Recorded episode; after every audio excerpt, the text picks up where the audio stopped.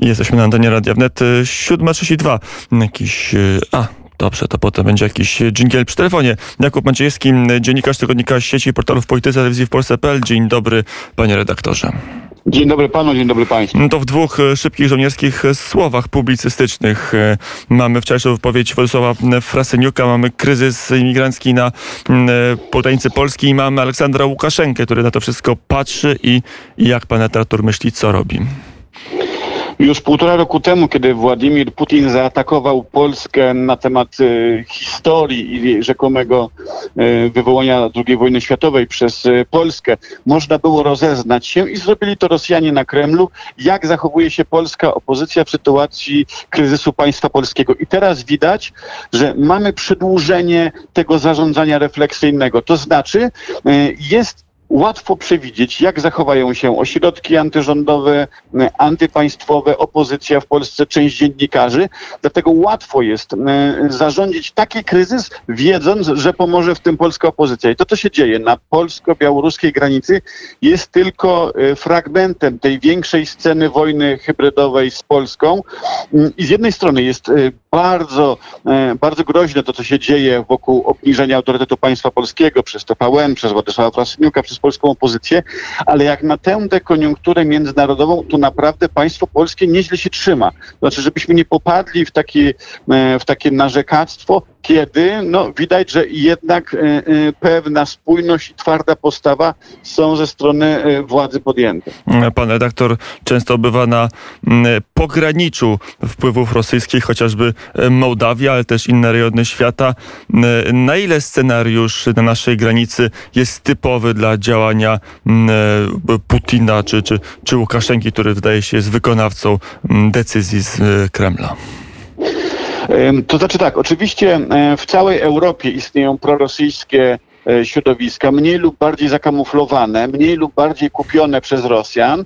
E, natomiast e, myślę, że te mm, środowiska, które są narzędziami w rękach Putina, one w różnych państwach się bardziej kamuflują, bardziej niż w Polsce kamuflują się ze swoją e, prorosyjskością. Natomiast tutaj mm, ta, ta pomoc białoruskiej prowokacji jest tak ostentacyjna, że to pokazuje, że gdzieś przez dziesiątki lat pozwoliliśmy na to, by nienawiść do e, propolskich, propaństwowych środowisk politycznych przesłoniła e, dobro państwa polskiego. Znaczy są w Polsce ludzie, którzy bardziej nienawidzą PiSu niż cenią państwo polskie i cenią bezpieczeństwo kraju. Są w stanie podpalić kraj, no bo rządzi e, PiS. Wystarczy im, że będą sobie rządzić na zgliszczach, na tym, co zostanie, a przecież to, co chce zrobić teraz Łukaszenka na Białorusi, to przyjęcie roli Erdogana sprzed sześciu lat, gdy e, Erdogan był w Turcji dysponentem tego strumienia uchodźców i emigrantów, to jest na e, pograniczu wywołania kryzysu nie tylko w Polsce, ale w całej Unii Europejskiej. I naprawdę część środowisk medialno-politycznych w Polsce jest na to gotowa, imię nienawiści do rządu Prawa i Sprawiedliwości. Mm, jeszcze przejdźmy do tego cytatu, który wczoraj wywołał burzę.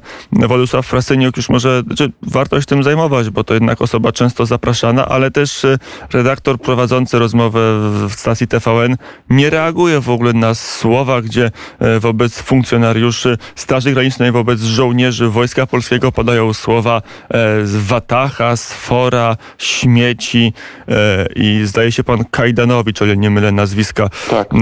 tego pana, który prowadził wywiad, w zasadzie dopytuje tylko i podgrzewa atmosferę, mówiąc, że nie znamy imion, ani nazwisk, ani stopni tych funkcjonariuszy i żołnierzy, że to jest skandal.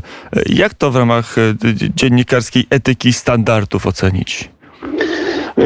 To tak naprawdę było tylko bardziej wyraźna, bardziej wyraźna odsłona tego, co TVN robi już y, przynajmniej od połowy y, dekady, a mianowicie podkopywanie fundamentów państwa polskiego. Przecież to, że te stacje, te media potrafią promować kłamstwa antypolskie, historyczne, robić wywiady z ludźmi, którzy oczerniają państwo na Zachodzie na podstawie zakłamanych dokumentów historycznych. Mam na myśli tutaj profesor Barbara Engelking, czy, czy doktora Jana Grabowskiego, którzy e, fałszują historię.